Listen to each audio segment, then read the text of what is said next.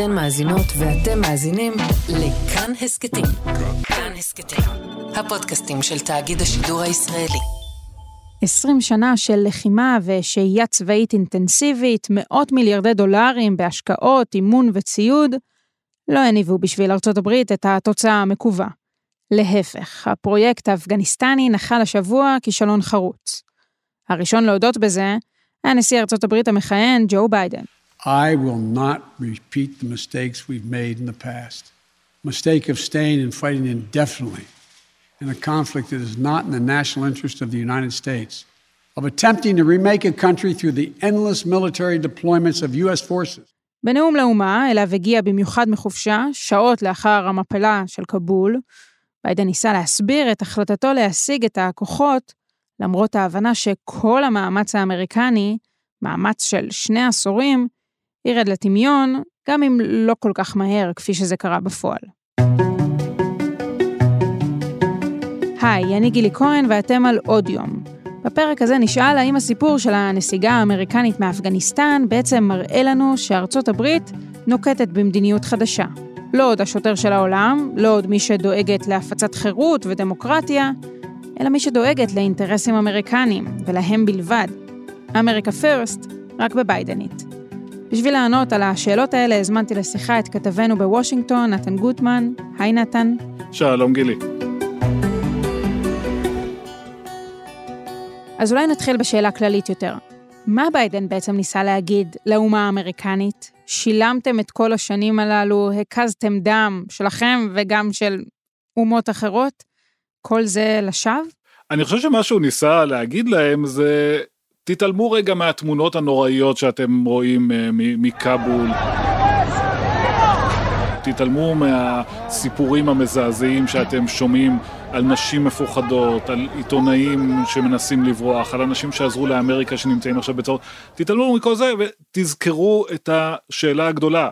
והשאלה הגדולה, לפי ביידן, זה האם אתם באמת רוצים שהילדים שלכם ישרתו באפגניסטן? I cannot and will not ask our troops to fight on endlessly in another country's civil war, taking casualties, suffering life-shattering injuries. והתשובה היא לא. וזה בגדול מה שהוא ניסה לעשות. להגיד, המלחמה הזאת אבודה, השקענו שם 20 שנה, טריליון דולר, הכשרנו 300 אלף חיילים אפגנים, אבל בסופו של דבר זה אבוד. But if Afghanistan is unable to mount any real resistance to the Taliban now, there is no chance that one year, one more year, five more years, or 20 more years וזה אבוד היום, וזה יהיה אבוד בעוד שנה ובעוד חמש שנים. זה בגדול מה שהוא רצה להגיד להם. הבעיה שהמסר הזה הוא קצת אה, נשמע לכל הפחות לא רגיש במיוחד, גם כשמסתכלים על המצוקה של האפגנים, וגם כשחושבים על האמריקאים עצמם, בסופו של דבר אלפי חיילים אמריקנים נהרגו, יש אה, פצועים, יש אנשים שמסתובבים עם טראומות נפשיות מהמלחמה הזאת. זה קצת קשה לבוא ולהגיד לאנשים האלה, תשמעו, כל המאמץ הזה באמת היה לשווא, הפסדנו היום וגם הפסדנו לפני עשר שנים. אבל למה בעצם זה נראה כך? כי נסיגות, ראינו איך הן נראות, הן בדרך כלל לא מצטלמות טוב. לא כשאנחנו עשינו את זה בלבנון או במקומות אחרים, ברצועת עזה, אבל גם לא כשמדינות אחרות נסגו. אבל נדמה לי שהפעם, יחד עם הרשתות החברתיות והפריימים הבאמת מדהימים, פשוט נראה שהנסיגה האמריקנית הזו יצאה מכלל שליטה. זה היה אסון אה, נסיגתי או זה אסון מתמשך בעצם כי זה לא נגמר אה, גם עכשיו ואפילו כרגע אנחנו לא בטוחים שמאמץ החילוץ הזה משדה התעופה יפעל. וזה באמת מה שקצת מפתיע כי בסופו של דבר הרי למה אמריקה בחרה בג'ו ביידן? כי הוא המבוגר האחראי. הוא לא טראמפ הוא הקיף את עצמו באנשים עם המון ניסיון עם המון הכרה הוא בעצמו יש לו את כל הניסיון שבעולם, הוא היה יושב ראש ועדת החוץ של הסנאט, הוא יודע איך הדברים האלה מתנהלים. ובכל זאת נראה שהוא עשה כל טעות אפשרית. הרעיון הזה של קודם כל להוציא את החיילים ורק אחר כך לחשוב איך דואגים לאזרחים. הטיפול האיטי והמייסר הזה בוויזות לעשרות אלפי האפגנים ששיתפו פעולה ומגיע להם לצאת משם. חוסר ההבטחה של שדה התעופה, המשא ומתן עם הטליבן על, על הגישה לשדה תעופה שנעשה אחרי הנסיגה ולא לפני, כל הדברים האלה ביחד נראים כאילו שמישהו נרדם שם בבית הלבן או במועצה לביטחון לאומי, מישהו סליפי פשוט שכח מה ג'ו. עושים. Sleepy Joe Biden. Sleepy Joe. Sleepy Joe. Sleepy Joe. חס וחלילה. אם באמת לשחק לידי הסטריאוטיפ הזה ש, שטראמפ ואנשיו ניסו להדביק אה, לג'ו ביידן, אבל זה באמת מפתיע.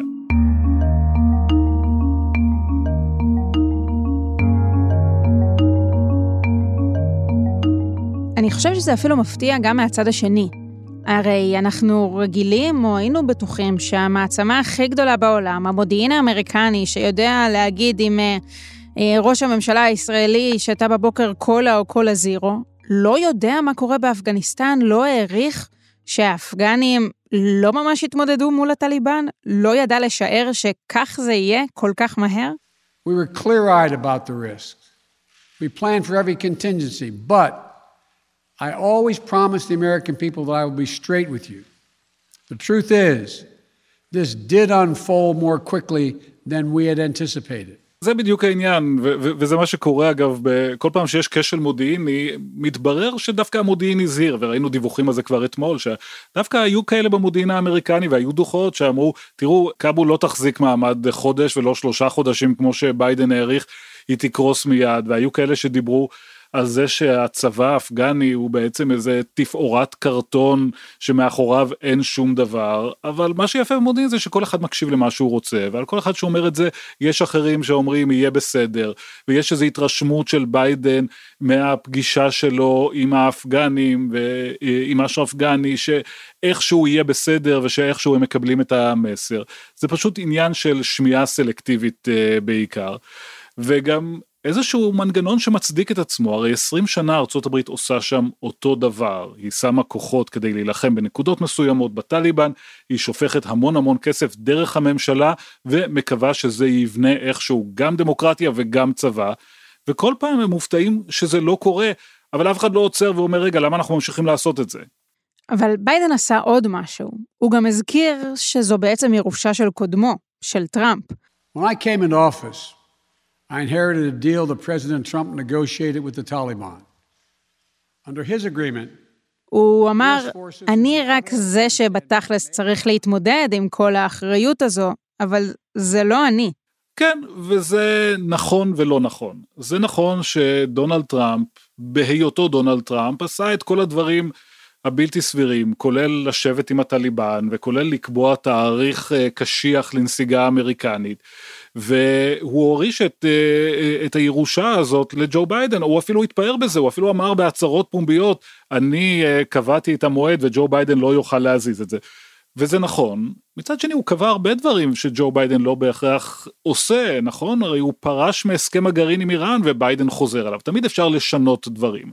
מה שביידן ובלינקן וג'ייק סליבן אומרים עכשיו בעצם, זה תראו, היינו חייבים ללכת עם המתווה הזה של אה, טראמפ, כי לא היה כאן סטטוס קוו. מרגע שטראמפ קבע מועד יציאה, הטליבן אמרו, אוקיי, אנחנו יושבים בצד ומחכים, אבל אם לא היינו עומדים במועד היציאה הזה, הם לא היו יושבים בצד והם מחכים עוד הרבה. there would have been no ceasefire after May 1.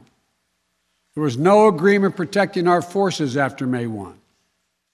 הם היו מתחילים לתקוף את האמריקנים, ואז שוב היינו חוזרים למראות האלה של המטוסים שנוחתים בדלוור עם הגופות של החיילים האמריקנים, ושוב היה מתעור, הייתה מתעוררת השאלה למה אנחנו עדיין שם. בקיצור, ביידן רוצה להגיד, זה לא כאילו שהיה סטטוס קוו, מרגע שטראמפ התחיל את השעון הזה, היינו חייבים להמשיך.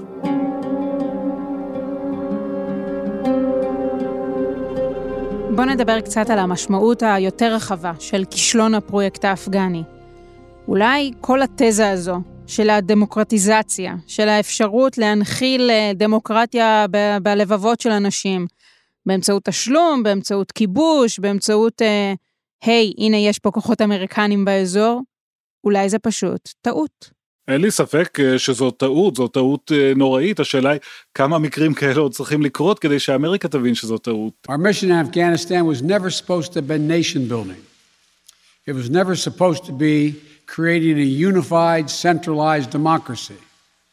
Our only vital national interest in Afghanistan remains today what it has always been preventing a terrorist attack on America's homeland. זה היה טעות באפגניסטן, זאת הייתה טעות בעיראק, טעות הרבה יותר קולוסלית אחרי הפלישה האמריקנית והניסיון לבנות מחדש איזושהי אומה עיראקית אה, דמוקרטית שאיכשהו תשמור על הזכויות של כולם ותהיה יציבה וגם תמנע טרור וגם אה, לא תפתח נשק להשמדה המונית וכל הדברים האלה שציפו וזה קורה בכל מקום וזה ההיתקלות של ארצות הברית עם האביב הערבי הוכיחה את זה. ובהרבה מקומות בסופו של דבר יש איזה מסר אחד שחוזר לפה כל הזמן וזה שצריך לגלות קצת צניעות, צריך לגלות קצת אה, אה, הכרה בזה שבמקומות שונים יש נסיבות שונות ושאמריקה היא לא זו שתציל את העולם בזכות הכסף שלה והחיילים שלה. אולי יש כאן גם לקח לפעמים הבאות למי ש... ואני מניח ש- שזאת השאלה הבאה שלך על איראן, אה, מי שיושב ומפנטז אם זה בירושלים או בוושינגטון על regime change באיראן, אז המסקנה של אפגניסטן היא ש regime change אמריקני לא פועל ולא זכור מתי הוא פעל בפעם האחרונה. אז אני רוצה בדיוק להמשיך את הנקודה הזו, על השאלה מה המסר מהמהלך הזה, או מאי המהלך של הניסיון האפגני להמשך. טוענים מי שטוענים, שהנה, שוב הברית מוכיחה שאי אפשר לסמוך עליה, הברית לא תעמוד לצד המדינות שלצידן היא אה, נלחמה וניסתה להשיג יעדים נשגבים כמו דמוקרטיה. בקיצור, שארצות הברית היא לא מה שהייתה פעם. ארצות הברית היא בהחלט לא מה שהייתה פעם, היא גם לא רוצה להיות מה שהיא הייתה פעם. המלחמה הקרה נגמרה, ארצות הברית ניצחה בה. המצב בבית הוא איום ונורא. יש מגפה, יש אבטלה, יש אה, קשיים מסחריים עצומים ותחרות אה, גדולה מול סין ו- ו- ואימפריות מתהוות אחרות, יש אה, בעיות של לכידות חברתית בארצות הברית. למי יש כוח ללכת ולבנות מחדש את העולם, את מה שהאמריקאים אוהבים לכנות המזרח התיכון, שזה כל דבר ממרוקו ועד אפגניסטן ועוד כל דבר שתרצי לזרוק פנימה. אמריקה עברה את השלב הזה, ו- וזה לא רק ביידן או טראמפ, מה שיפה זה שאפגניסטן הצליחה לעבור את כל המנהיגים מכל המפלגות. I'm now the fourth American president to preside over war in Afghanistan. Two Democrats and two Republicans. I will not pass this responsibility on to a fifth president. זה לא רק המנהיגים, זה גם הציבור האמריקני. אין תיאבון למלחמות מעבר לים. אין עניין בזה, אין תחושה של דחיפות שצריך לעשות את זה. הפרפור האחרון של התפיסה הזאת שיש לאמריקה איזשהו מקום בתור השוטרת של העולם, קרה בדיוק לפני 20 שנה, אחרי 9-11 ב-2001. ומאז שוב אמריקה הבינה ש... יש לה מה לעשות בבית פנימה, היא תכבה שריפות בעולם, אבל היא לא הולכת להיות זאת שתקבע מחדש סדרי עולם בכל מקום ש, שיש משהו שלא מסתדר. אבל השאלה אם היא מוותרת על התפקיד הזה גם מבחינה לא רק אה, מעשית, אלא גם מבחינה הצהרתית. כלומר, ארה"ב עכשיו תפסיק לדרוש, למשל מאיראן, כפי שהזכרת, לקיים זכויות אדם, תפסיק אה, לבקר מדינות שמעבירות חוקים שלא הולמים את הרוח האמריקנית או את הרוח הליברלית. זאת באמת הבעיה של איך בעצם מיישבים מצד אחד את הרצון הזה של לא להיות השוטר של העולם ומצד שני את מה שביידן עצמו אומר ואפילו אמר את זה בנאום שלו האחרון השבוע שמדיניות החוץ האמריקנית מונחה על ידי זכויות אדם אז איך אתה מיישב את שני הדברים האלה זה בעיה ואין להם פתרון אה, טוב לנושא הזה.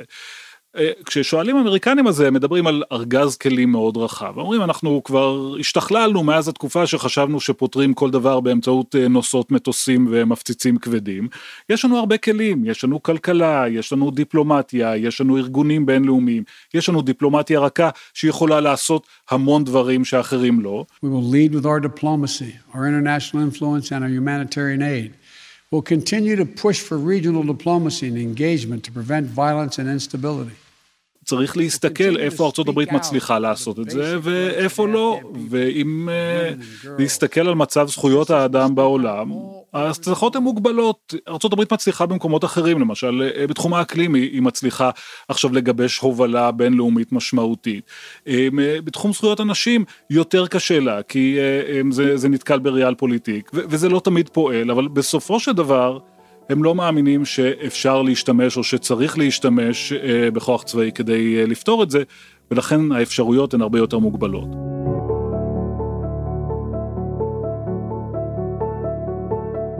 עד כמה הנושא הזה יכתיב את אה, עצם התפיסה המדינית-דיפלומטית של ביידן. שמעתי לדוגמה את ג'ק סלוון, היועץ לביטחון לאומי האמריקני, אומר שהנשיא לא שוחח עם אף מנהיג זר על הנסיגה. Uh, he has not uh, yet spoken with any other world leaders. Uh, myself, Secretary Blinken, uh, several other senior members of the team have been engaged on a regular basis with foreign counterparts. כמה זה בעצם מלמד אותנו שזה אולי לא באמת מעניין את הממשל הנוכחי בבית הלבן, והוא רוצה אמריקה פנימה. זה לגמרי מלמד שזה, שזה העניין. אגב, אחרי שסליבן אמר את זה והייתה קצת ביקורת אצל הצייצנים אה, של איך זה יכול להיות שביידן לא מדבר עם אף אחד, אז הוא התקשר לבוריס ג'ונסון ודיבר איתו על זה. אבל אה, זה יותר עניין פנימי אמריקני ומבחינת עמדת הפתיחה של, של ביידן והממשל שלו הייתה שבכל מקרה אנחנו בדרך לצאת מאפגניסטן אז אנחנו יוצאים עכשיו אז זה יצא קצת יותר מה שהם מכנים מסי זה יצא קצת מלוכלך זה יצא קצת אה, לא נקי המעבר הזה אבל שטויות זה יעבור כי אנחנו בכל מקרה בדרך החוצה. העניין הוא שזה לא עד כדי כך פשוט וביידן עלול לסחוב איתו את התמונות האלה של שדה התעופה בכאבול של האנשים שנתלים על אה, כנף המטוס הוא עלול לסחוב את זה לכל אורך הקריירה שלו בתור כישלון לא בגלל שהציבור האמריקני רוצה שאמריקה תישאר עם החיילים שלה באפגניסטן אלא בגלל שהציבור האמריקני רוצה לראות אמריקה מנצחת ולכן זה כן יכול להכתיב לביידן את מה שהוא עושה בסיבובים הבאים בתחום אה, מדיניות החוץ, כי הוא לא יכול להרשות לעצמו להיראות מפסיד פעמיים.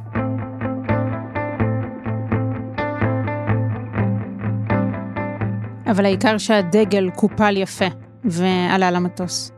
עלה למטוס בשלום יחד עם השגריר, אבל באמת הותיר מאחור הרבה מאוד הרס. והעניין הוא שזה לא נגמר עדיין, הסיפור הזה. אמריקה נתנה לעצמה זמן עד סוף אוגוסט להשלים את הפינוי וכל יום שיעבור גם אם הטליבן יעמוד בהתחייבות שלו לא להיכנס לשדה התעופה כל יום שיעבור עכשיו רק יוצאים משם עוד סיפורים עוד סיפורים שאנחנו רואים כל הזמן על נשים וילדות שמנסות להגיע לשדה התעופה ולא יכולות על אנשים שנדחים על, על משפחות שירדו למחתרת כי הן פוחדות שהטליבן בקודם כל הסיפורים האלה שיצאו רק יזכירו לציבור ולעולם שיש כאן כישלון אמריקאי.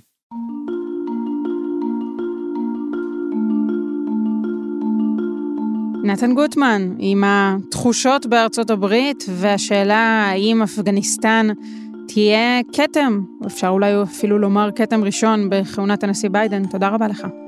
תודה גילי.